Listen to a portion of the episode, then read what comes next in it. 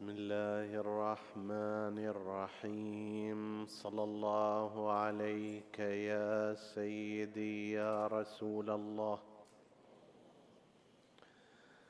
صلى الله عليك وعلى ابن عمك أمير المؤمنين وعلى أهل بيتك. الطيبين الطاهرين. صلى الله عليك يا أبا عبد الله الحسين. ما خاب من تمسك بكم وأمن من لجأ إليكم. يا ليتنا كنا معكم فنفوز فوزا عظيما. عطروا مجالسكم بذكر محمد وآل محمد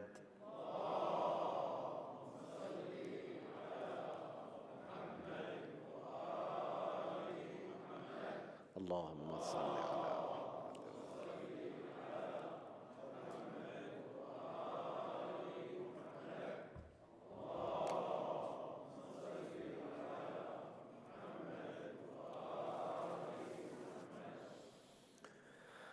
روى شيخنا الصدوق أعلى الله مقامه في كتابيه عيون أخبار الرضا.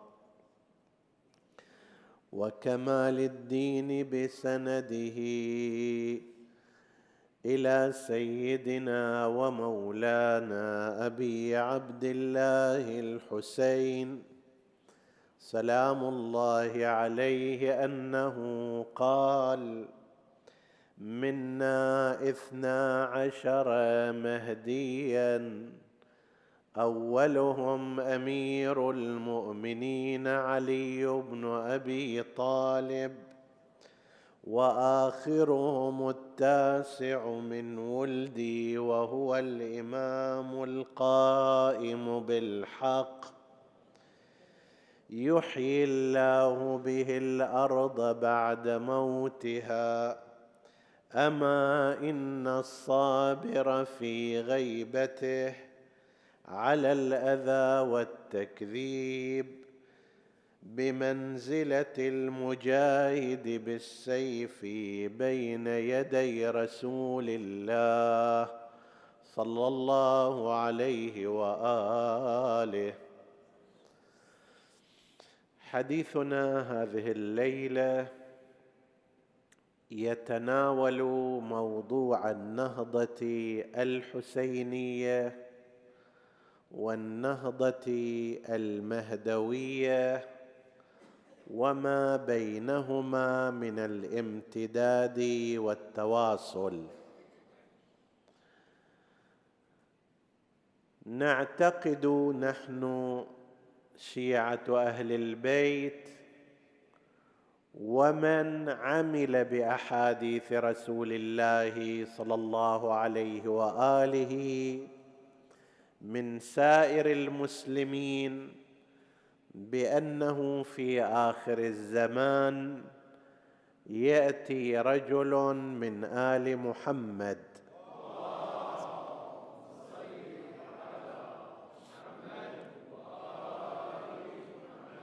فيملأ الأرض قسطا وعدلا كما ملئت ظلما وجورا. وهو المهدي عجل الله تعالى فرجه الشريف. هذه النهضة التي تحدث عنها القرآن الكريم بما فسرت به آيات الوعد في الاستخلاف وظهور الدين الإسلامي على الدين كله وأن الله يرث الأرض ومن عليها من خلال قيادة عباده الصالحين. هذا من جملة العقائد الثابتة عند المسلمين. وقد تحدث النبي المصطفى صلى الله عليه وآله كما تحدث الأئمة المعصومون عن هذه القضية في أحاديث كثيرة جدا. هناك نهضة أخرى هي التي نحيي في هذه الأيام. أخبارها ونتجاذب أطراف النظر فيها وهي النهضة الحسينية على صاحبها أفضل السلام والتحية وهناك ارتباط بين النهضتين وتواصل وامتداد.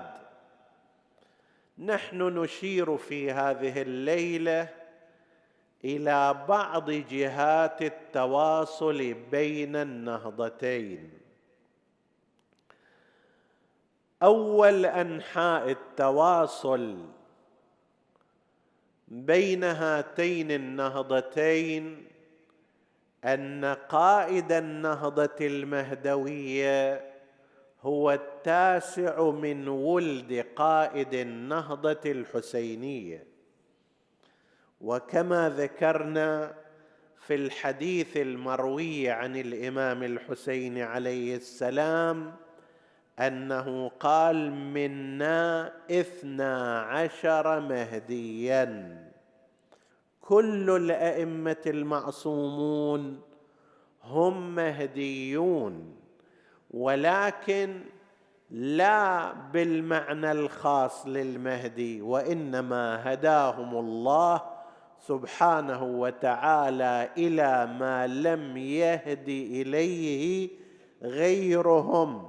فهم مهديون من قبل الله إلى أحكامه ومزودون بعلمه وهداة إلى الخلق يهدون بأمر الله عز وجل.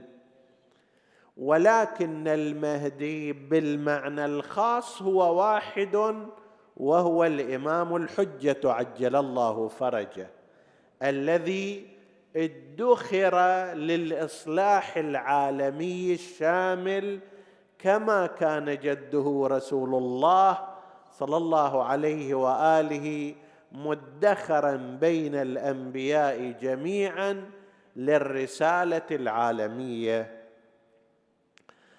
من نسل الحسين عليه السلام التاسع هو الإمام الحجة وقد صرح الإمام الحسين بذلك. منا اثنا عشر مهديا أولهم علي بن أبي طالب أمير المؤمنين وآخرهم التاسع من ولدي والحديث عن الحسين عليه السلام.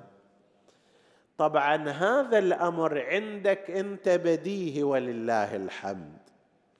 لكن عند قسم من المسلمين أمره منغلق. فإن قسما من المسلمين من أتباع مدرسة الخلفاء ذهبوا إلى أن المهدي الموعود المنتظر هو من نسل الحسن المجتبى لا من نسل الحسين الشهيد. وعندهم في هذا مؤلفات وكلام واعتقاد. طبعا هذا على خلاف ما ورد من رواياتنا بل من روايات رسول الله صلى الله عليه وآله.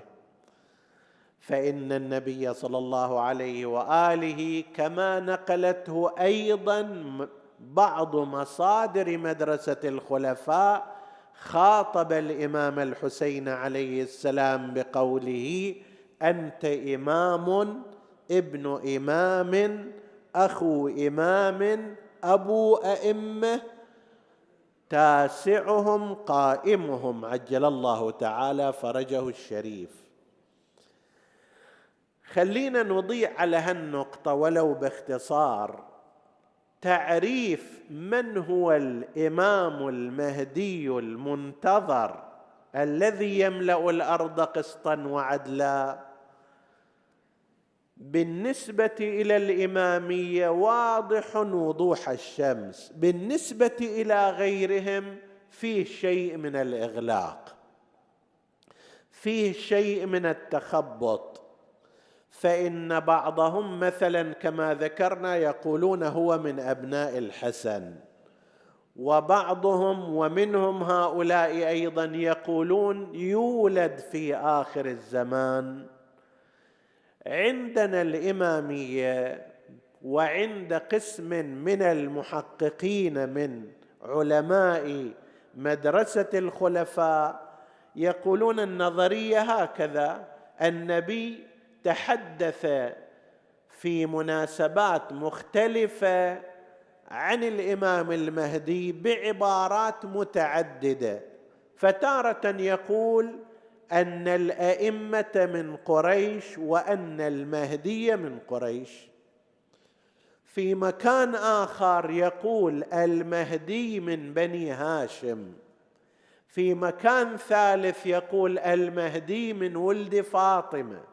في مكان رابع يقول المهدي من ولد الحسين. في مكان خامس يقول التاسع من ولد الحسين. لما يجي الواحد من أتباع مدرسة أهل البيت ويجمع هالروايات هذه يجد بينها تمام التكامل. فيقول المهدي هو من قريش يعني ليس من سائر العرب ليس من تميم ولا من كنده وإنما من قريش.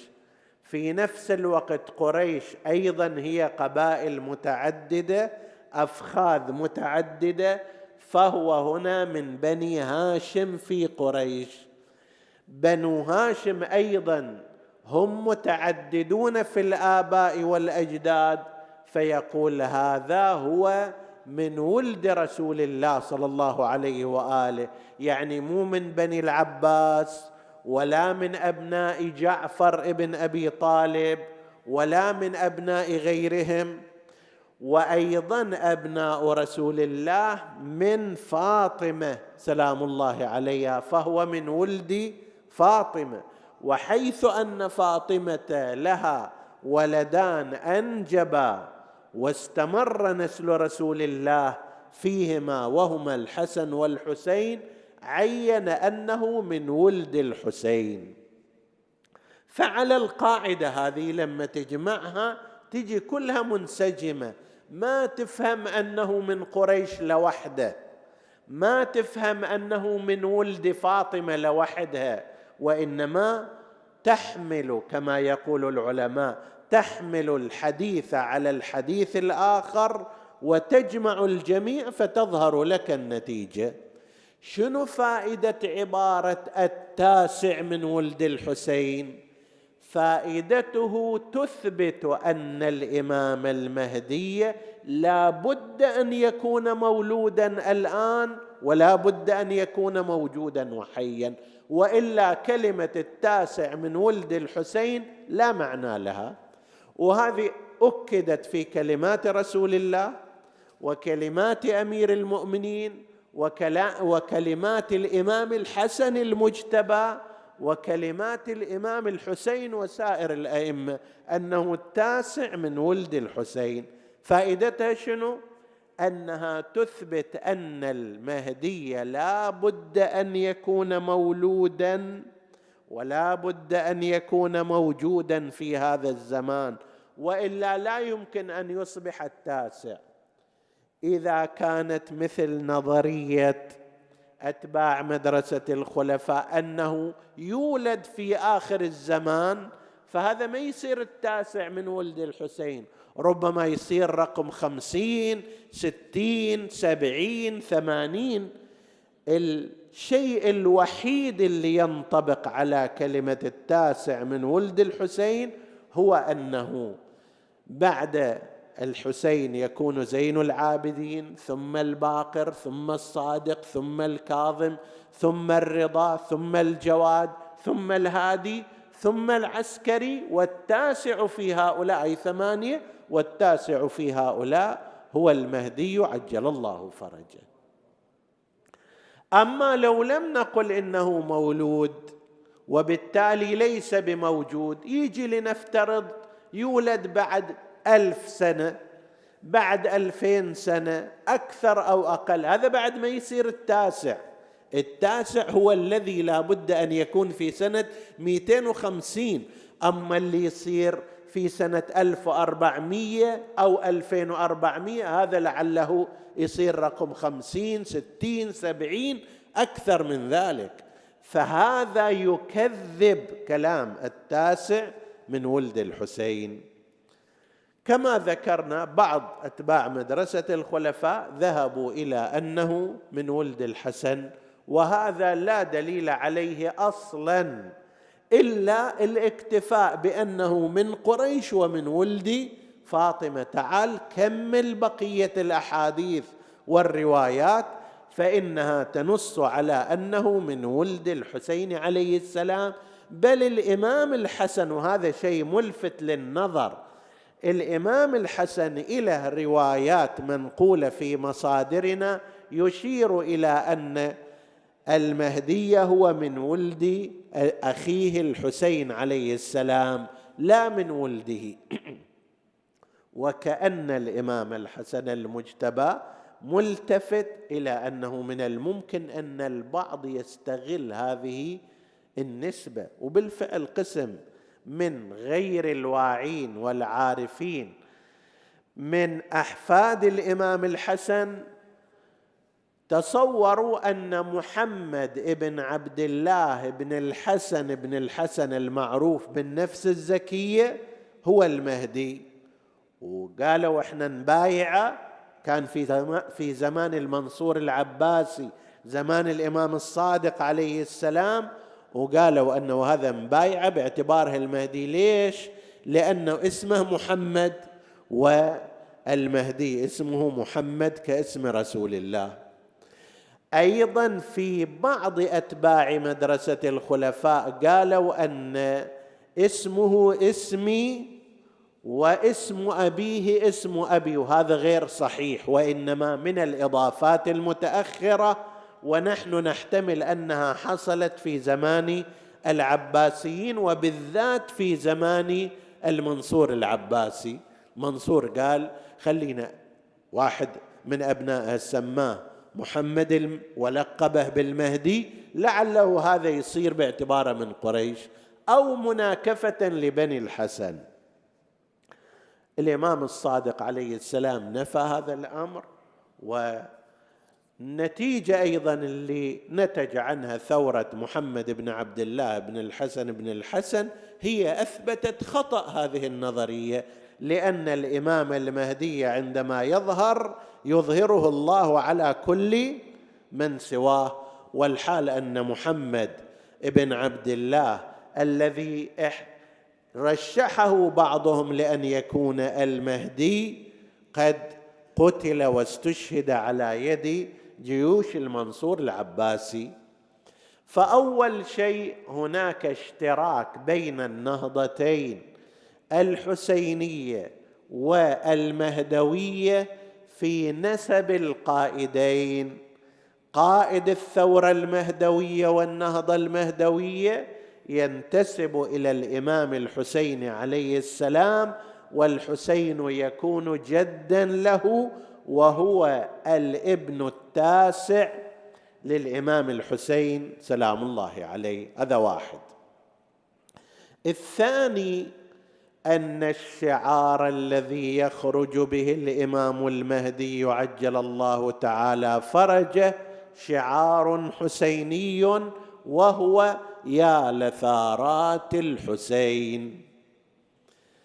هناك رواية تنقل في مصادرنا وهي على المشهور معتبرة السند وهي اللي عن الإمام الرضا وعادة تقرأ الذي التي ينقلها الريان بن شبيب عندما دخل على الإمام الرضا عليه السلام في أول أيام المحرم. يا ابن شبيب إن سرك أن تكون معنا أو في الغرف المبنية فمتى ذكرت الحسين عليه السلام فقل يا ليتني كنت معهم فأفوز فوزا عظيما اللي فيها حث وحض على البكاء إن كنت باكيا لشيء فابك للحسين فقد ذبح كما يذبح الكبش إلى آخره. هذه فيها في ذيلها هذه الفقرة. في الرواية هكذا ولقد نزل أربعة آلاف. هذا حديث الإمام الرضا. ولقد نزل أربعة آلاف من الملائكة لنصرته لنصرة الحسين عليه السلام. فهم عند قبره شعث غبر حالة حزن عليهم دائمة إلى أن يقوم القائم. فيكونون من أنصاره من أنصار القائم وشعارهم يا لثارات الحسين. فإذا الإمام المهدي ينهض ثائرا ومطالبا بثأر الحسين عليه السلام. هنا أجد من الضروري الإشارة إلى هذه النقطة لأن قسما من المتعصبين أصحاب الأهواء السياسية الذين هم مشغولون بمحاربة خط أهل البيت عليهم السلام. عندهم بالذات هذه الأيام أيام محرم مثل هذا الموضوع. قولوا شوفوا أن شيعة أهل البيت يقولون إن عندهم ثارات مع أهل السنة ويريدون أن المهدي يقتل أبناء هذا الفريق الآخر وهو تهريج وهو كلام غير صحيح. ليش؟ لأنهم يرفعون رايات عليها يا لثارات الحسين. يا لثارات الحسين عندنا نحن الإمامية غير موجهة إلى الفريق الآخر. من المسلمين. وهذا بنص روايات. في هناك روايات ولعل هذه القضية أثاروها في ذلك اليوم وبعض المتعصبين يجترونها إلى الآن. من الروايات رواية معتبرة السند عن الإمام الصادق عليه السلام. في هذا الموضوع يقول فيها سلام الله عليه إن الرواية عن الإمام الرضا واحدة وأخرى عن الإمام الصادق عليه السلام. يقول لك كيف الإمام المهدي عجل الله فرجه؟ يقتل وينتقم ناس مت... ينتقم من أناس متأخرين عن الإمام الحسين عليه السلام. بينهم وبين من قتل الحسين آلاف السنين. قال إنما يقتل من رضي بفعلهم ومن رضي بفعل قوم كان منهم. ومن الطبيعي أنا هذا اللي أشرح هذا الكلام من الطبيعي عندما يظهر الإمام المهدي عجل الله تعالى فرجه الشريف ويقف الناس على خطي التأييد والمعارضة لنهضته. قتلت الحسين ما موجودين. ولكن من كان من أحفادهم ومن سار على خطهم ورضي بفعلهم وتشمت بمقتل الحسين عليه السلام ما يمكن أن يكون مناصر للإمام الحجة وإنما هو يقف في ذلك الوقت في وجه الإمام عليه السلام. ومن الطبيعي أن الإمام يقاتل من يكون عدوا له وفي وجهه. إحنا ما نتصور أن واحدا ممن يتشمت بمقتل الحسين ويفرح بما صنع آل زياد وآل مروان من قتلهم الحسين وتنكيلهم به ووطئهم لصدره وظهره وسبيهم لنسائه واحد يرتاح إلى هذا الأمر يرضى بهذا الفعل يكيف عليه. كبعض من نقلنا أخبارهم في أيام مضت ما نتوقع ابدا أن يكون هذا إلا مخالفا للإمام الحجه عجل الله تعالى فرجه. هل رأيت شخصا يكون في حركة الإمام الحجه مع الإمام مناصرا له وهو راض بفعل بني أمية مع الحسين بقتلهم إياه بسبيهم نسائه. لا يمكن أن يكون ذلك. هذا يقف على الضد من خط أهل البيت يقف على الضد من حركة الإمام الحجة. وآنئذ فمن الطبيعي في أثناء حركة الإمام أن يكون معاديا له وإذا صار معادي له من الطبيعي أن يقتل في هذه المعركة. من رضي بعمل قوم أشرك معهم فيه. من أحب قوما حشر معهم. فهذا الذي يأتي راضي بأفعال من سبقه من القتله والمجرمين لا يمكن إلا أن يكون معارضا ومحاربا للإمام الحجة عجل الله فرجه وآنئذ من الطبيعي أن يكون في الصف الآخر الذين يقاتلهم الإمام عليه السلام. وأما إذا إنسان لا ليس كذلك. وإن كان على مذهب آخر لكنه ينقم على قتلة الحسين فعلهم. ولا يرضى بجرائمهم فهذا بعد لا معنى لأن يكون ضمن من ينتقم منهم الإمام. عجل الله تعالى فرجه. الراية التي يرفعها والشعار الذي يرفعه الإمام عجل الله فرجه ويرفعه الملائكة المؤيدون والمؤيدون من قبل الله عز وجل. للإمام الحجه عجل الله تعالى فرجه. هذه راية يا لثارات الحسين بهذا المعنى الذي ذكرناه ونقلناه. فإذا هناك تواصل على مستوى الانطلاق أن حركة الإمام الحجه منطلقه ضمن راية حسينية يا لثارات الحسين. هذا أيضا من نقاط التواصل والاشتراك بين الإمامين وبين النهضتين. أيضا الهدف الواحد بين النهضتين عنصر مشترك. الإمام الحسين عليه السلام كما ذكرنا في ليلة مضت ثار من أجل الإصلاح الشامل في الأمة. والقضاء على الفساد والجور والانحراف. إنما خرجت لطلب الإصلاح في مقابل هالفساد الشامل الذي صنعه الأمويون الإمام الحسين نهض. المهدي يأتي في نفس السياق ولكن مع توسعة الدائرة. الإمام الحسين عليه السلام دائرة هذا العمل الذي قام به بحسب تصريحه خرجت لطلب الإصلاح في أمة جدي. هذا مد النظر في ذلك الوقت. لكن دائرة الإصلاح عند الإمام الحجه عجل الله فرجه الشريف هي الأرض بكاملها. كل الشعوب كل الأمم يملأ الأرض قسطا وعدلا كما ملئت ظلما وجورا.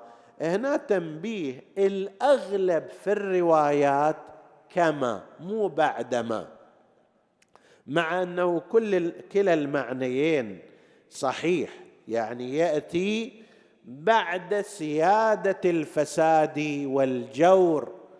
ولكن أكثر الروايات كما وكما فيها إشارة إلى الكيفية. كيف غزا الفساد المجتمع المسلم؟ كيف سيطر الانحراف على العالم؟ بنفس الطرق وبنفس الوسائل سوف يسيطر العدل وسيف سوف يسيطر القسط على العالم. يعني القضية مو كلها قضية سيف وسلاح حتى أنت تجي وتسأل كيف الإمام يحارب ويقاتل وما شابه ذلك.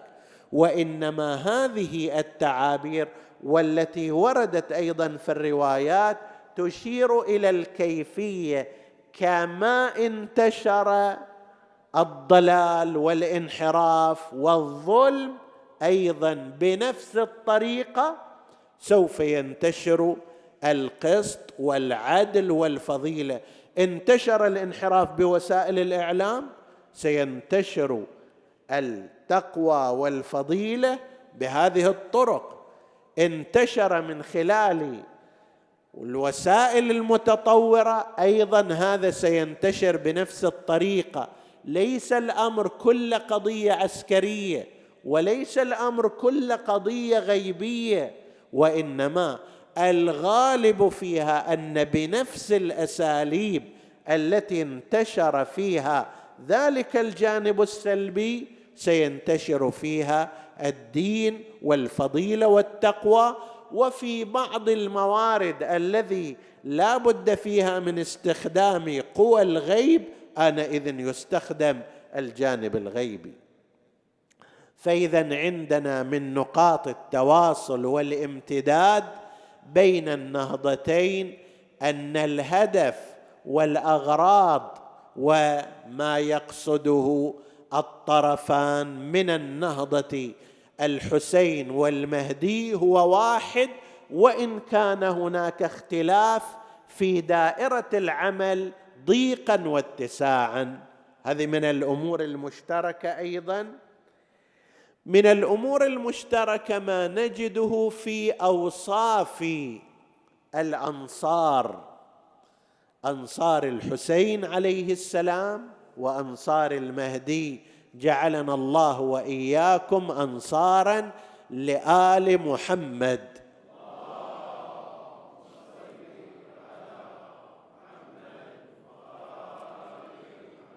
وترى الأصحاب انت ما تقدر تكون من أصحاب الحسين بالمعنى الخاص لأن الصحبة تقتضي المزامنة والمعاصرة من حيث الوقت وانت الآن في وقت لست في زمان الحسين. لكن بإمكانك أن تكون نصيرا للحسين حتى وإن تأخرت عنه 1500 سنة بنصرة أهداف. ما تصير صاحب إله لأن الصاحب يقتضي المصاحبة الجغرافية والبدنية. هذا المعنى الأولي. ولكن يمكن أن تكون من الأنصار النصره ما تقتصر على زمان دون زمان. الآن بإمكانك أن تكون نصيرا للحسين عليه السلام. أنصار الحسين لهم خصائص.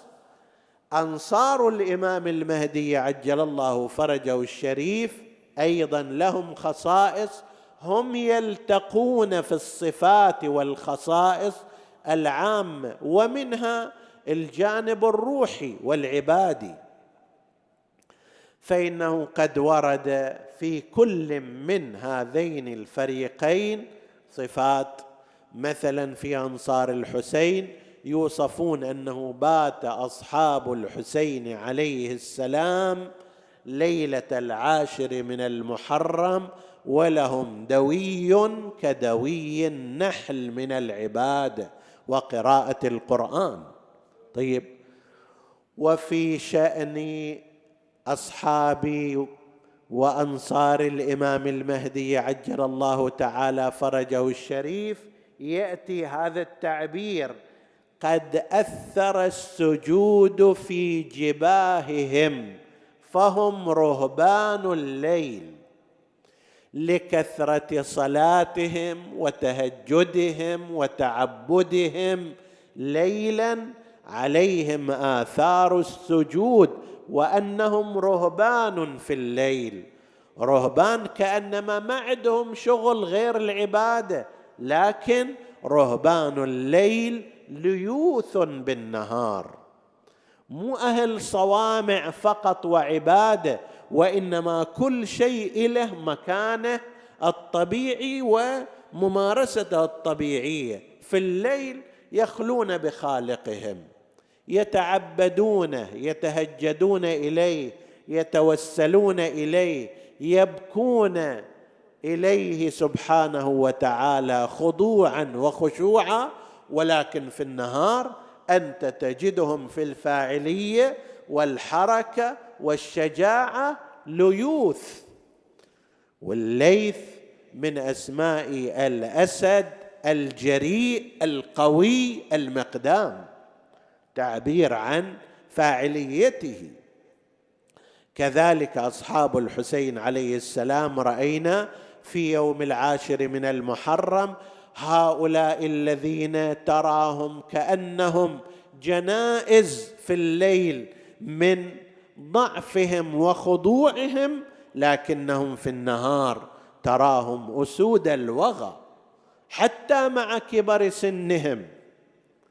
كمسلم ابن عوسجة وحبيب ابن مظاهر وبرير بن خضير وأمثال هؤلاء. هذه أيضا من النقاط المشتركة التي نراها في النهضتين أن الأصحاب والأنصار على مستوى متقدم من الجانب الروحي والعبادي. فإحنا لازم نحرص على هذا الأمر. خلي لك أيها الأخ المؤمن وأنت فاعل وإنما هذا هو تذكير مثل اهدنا الصراط المستقيم أنت تذكر نفسك. خلي لك في الليل ولو ركعتين. خلي لك في الليل ولو مناجاة مختصرة. خلي لك في الليل ولو دقائق تنفرد فيها بخالقك. وإذا تعودت عليها وإن قلت ستستمر معك إلى آخر حياتك. عشر دقائق ما تحتاج أكثر من هذا. لو عشر دقائق في كل ليلة قبل نومك أو قبل الفجر قبل أن تستيقظ لصلاة الفجر. إذا كنت ممن ينام مبكر خلي قبل الفجر بعشر دقائق قوم وصف رجليك لصلاة الليل أو لمناجاة مع الله أو لاستغفار. وإذا كنت ممن يتأخر في المنام قبل أن تنام صار. الآن مثل هذه الليالي الساعة 11 وعشر 11 وعشر دقائق وربع صار نص الليل. قسم كبير من الناس لا يزالون مستيقظين. قبل أن تخلد إلى المنام صلي لك ركعتين اقرأ لك مناجاه توجه إلى ربك سبح بالاستغفار بمقدار من المقادير حتى ترشح نفسك وأرشح نفسي لأن نكون من هؤلاء الأنصار. أيضا يلحظ وجود العلاقة العجيبة بين الحسين عليه السلام وبين الإمام المهدي عجل الله تعالى فرجه الشريف من الطرفين.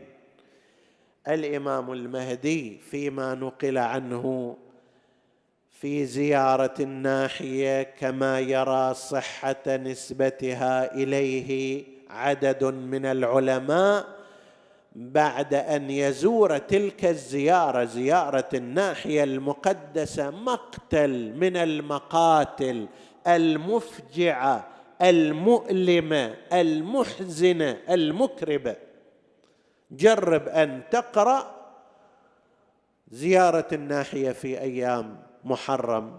زيارة الناحية يزار بها الإمام الحسين عليه السلام. وهي بناء على رأي قسم من العلماء مروية عن الإمام الحجة عجل الله تعالى فرجه الشريف. فيها تعداد لمصائب أهل البيت في كربلاء.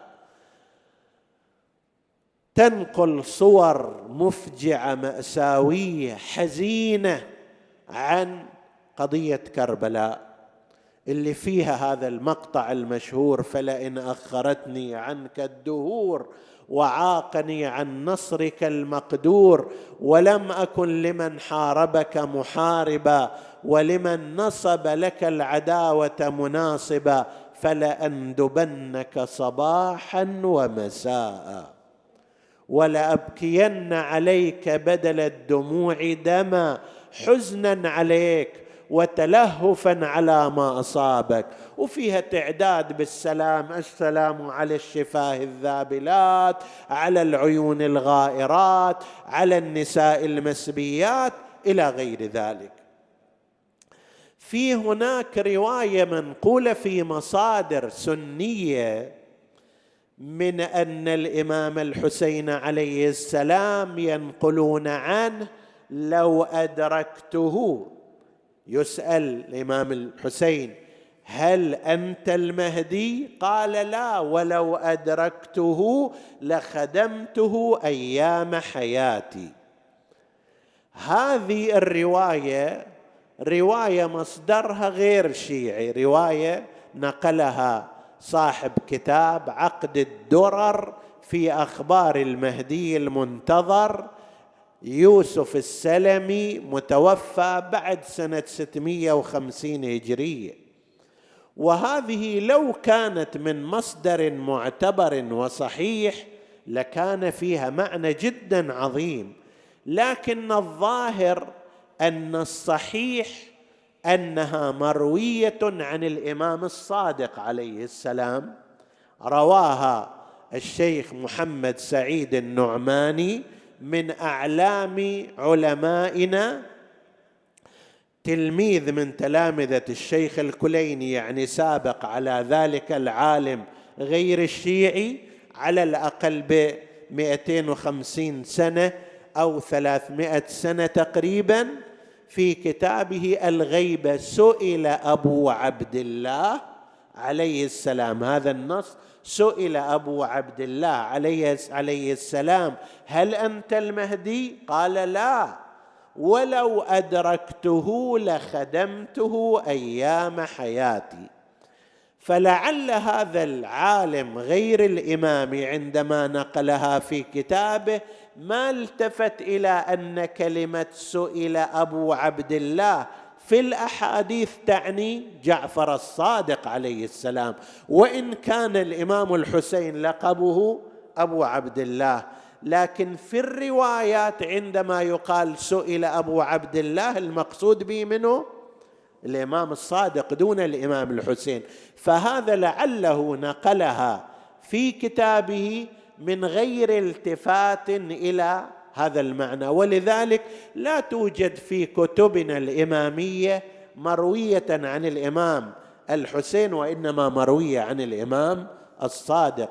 بس لو كانت مروية كانت تعطي معنى من التواصل بين الحسين وبين الإمام المهدي عجل الله فرجه. وإحنا لأنه رأينا أن بعض الكتاب والمؤلفين حتى الشيعة نقلوها باعتبار أن الحسين يقول في حق المهدي لو أدركته لخدمته أيام حياتي أشرنا إلى هذه الإشارة تصحيحا لهذه الفكرة.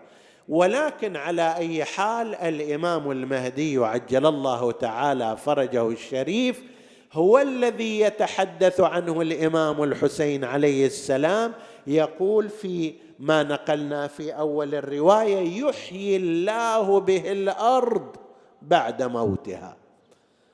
التاسع من ولدي المهدي يحيي الله به الأرض بعد موتها. وهذا تعبير من التعابير العظيمة.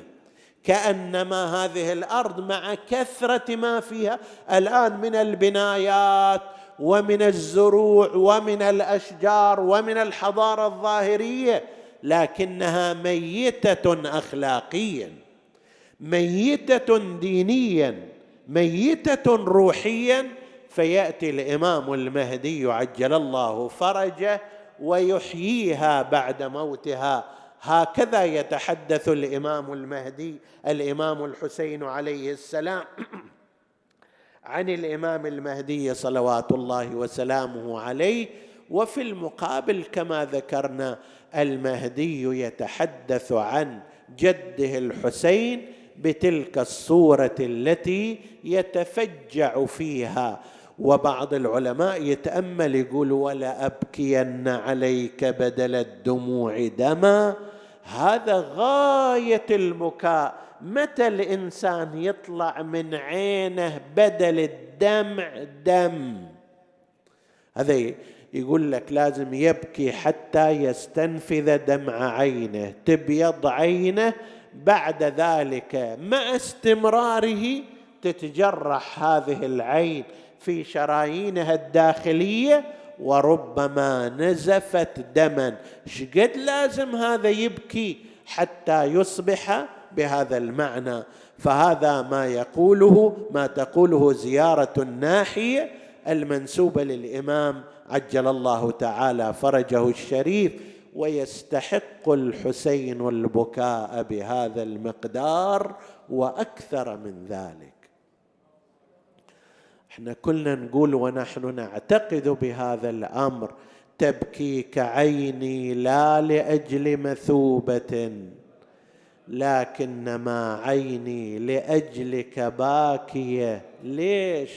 تبتل منكم كربلا بدم ولا تبتل مني بالدموع الجارية.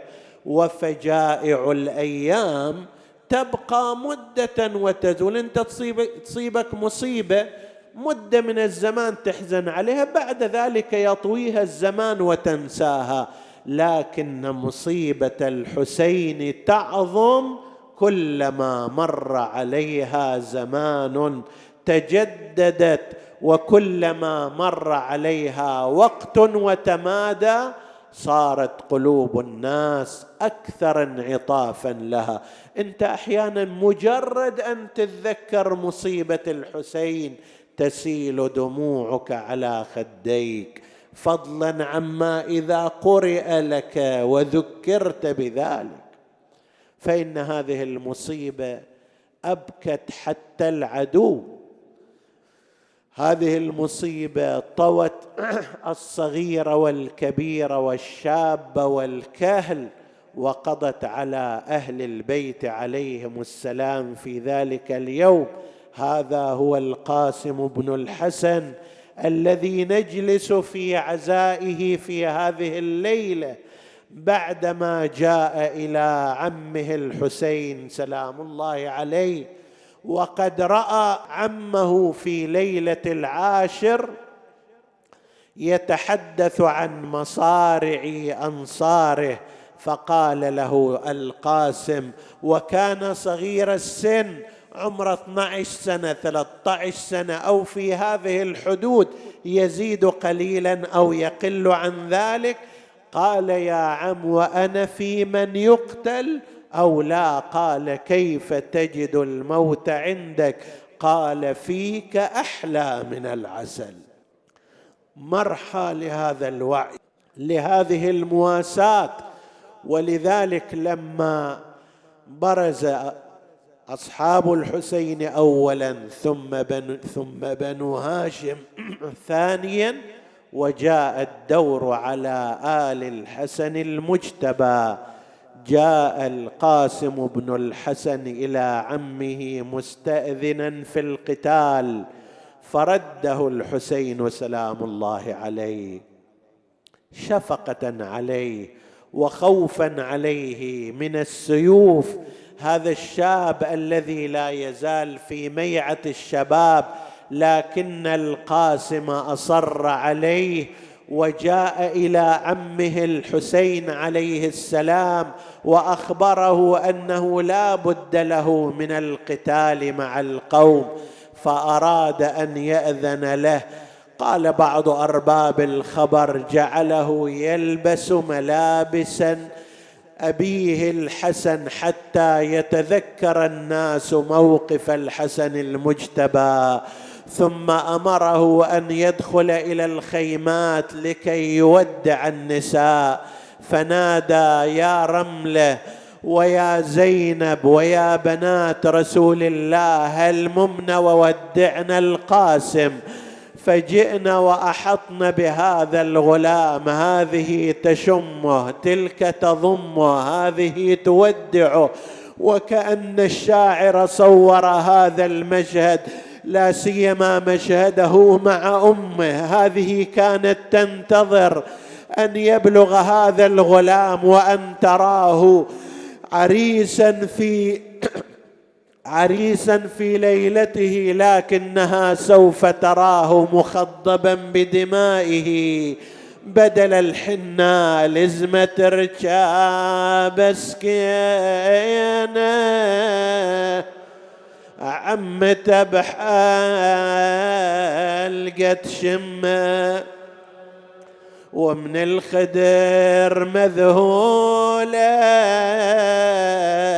طلعت تناديهم.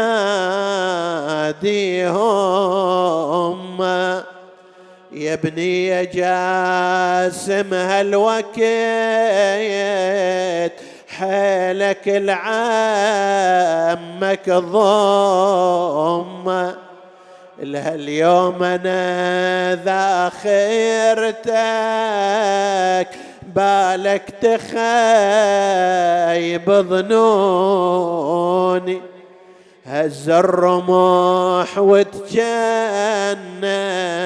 يا والدة تدعي لي.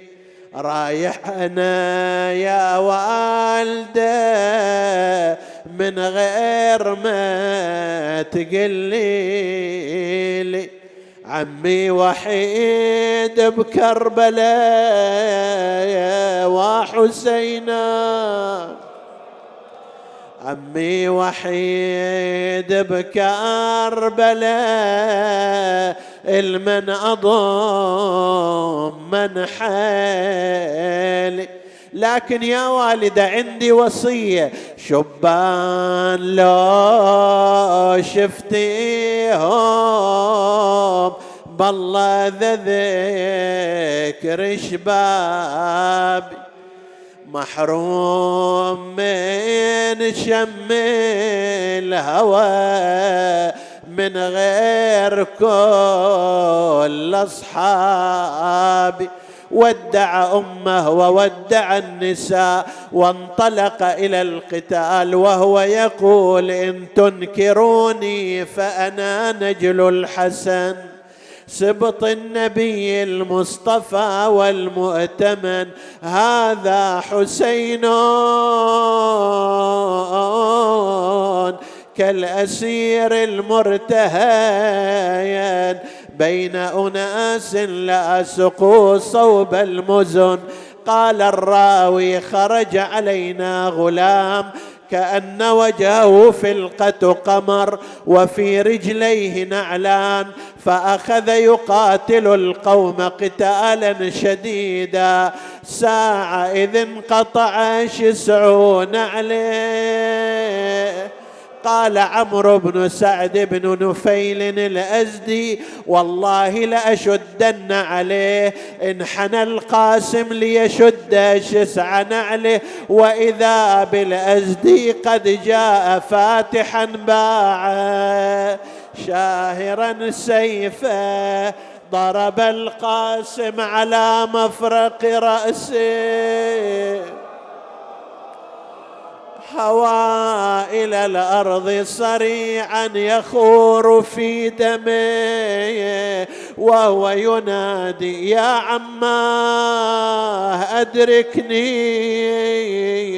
جاءه الحسين نادى عز على عمك أن تدعوه فلا يجيبك أو يجيبك فلا ينفعك. صوت كثر واتر وقل ناصر بكوا نادى يا يا جاسم شبيدي يا ريت السيف قبلك حزوري. هان الكويوم تخلوني وحيدي على خيام العدا والخيل تفتار. وجابه ومدده ما بين أخو بشاعدهم يا ويلي. بس ما سمع النسوان صوت إجت أمة تصيح الله اكبر بارك بين سبعين ألف جابوا عن الحنة بدم الرأس حنو بدال الشمع بين الشاب زفو.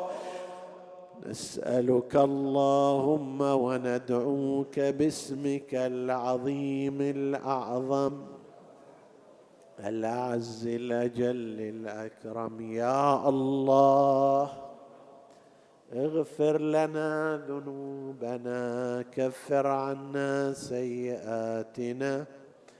آمنا في أوطاننا لا تسلط علينا من لا يخافك. ولا يرحمنا ولا تفرق بيننا وبين محمد وآله طرفة عين. تقبل اللهم عمل المؤسسين بأحسن القبول وإلى أرواح موتاهم وموتى السامعين. نهدي ثواب الفاتحة تسبقها الصلوات.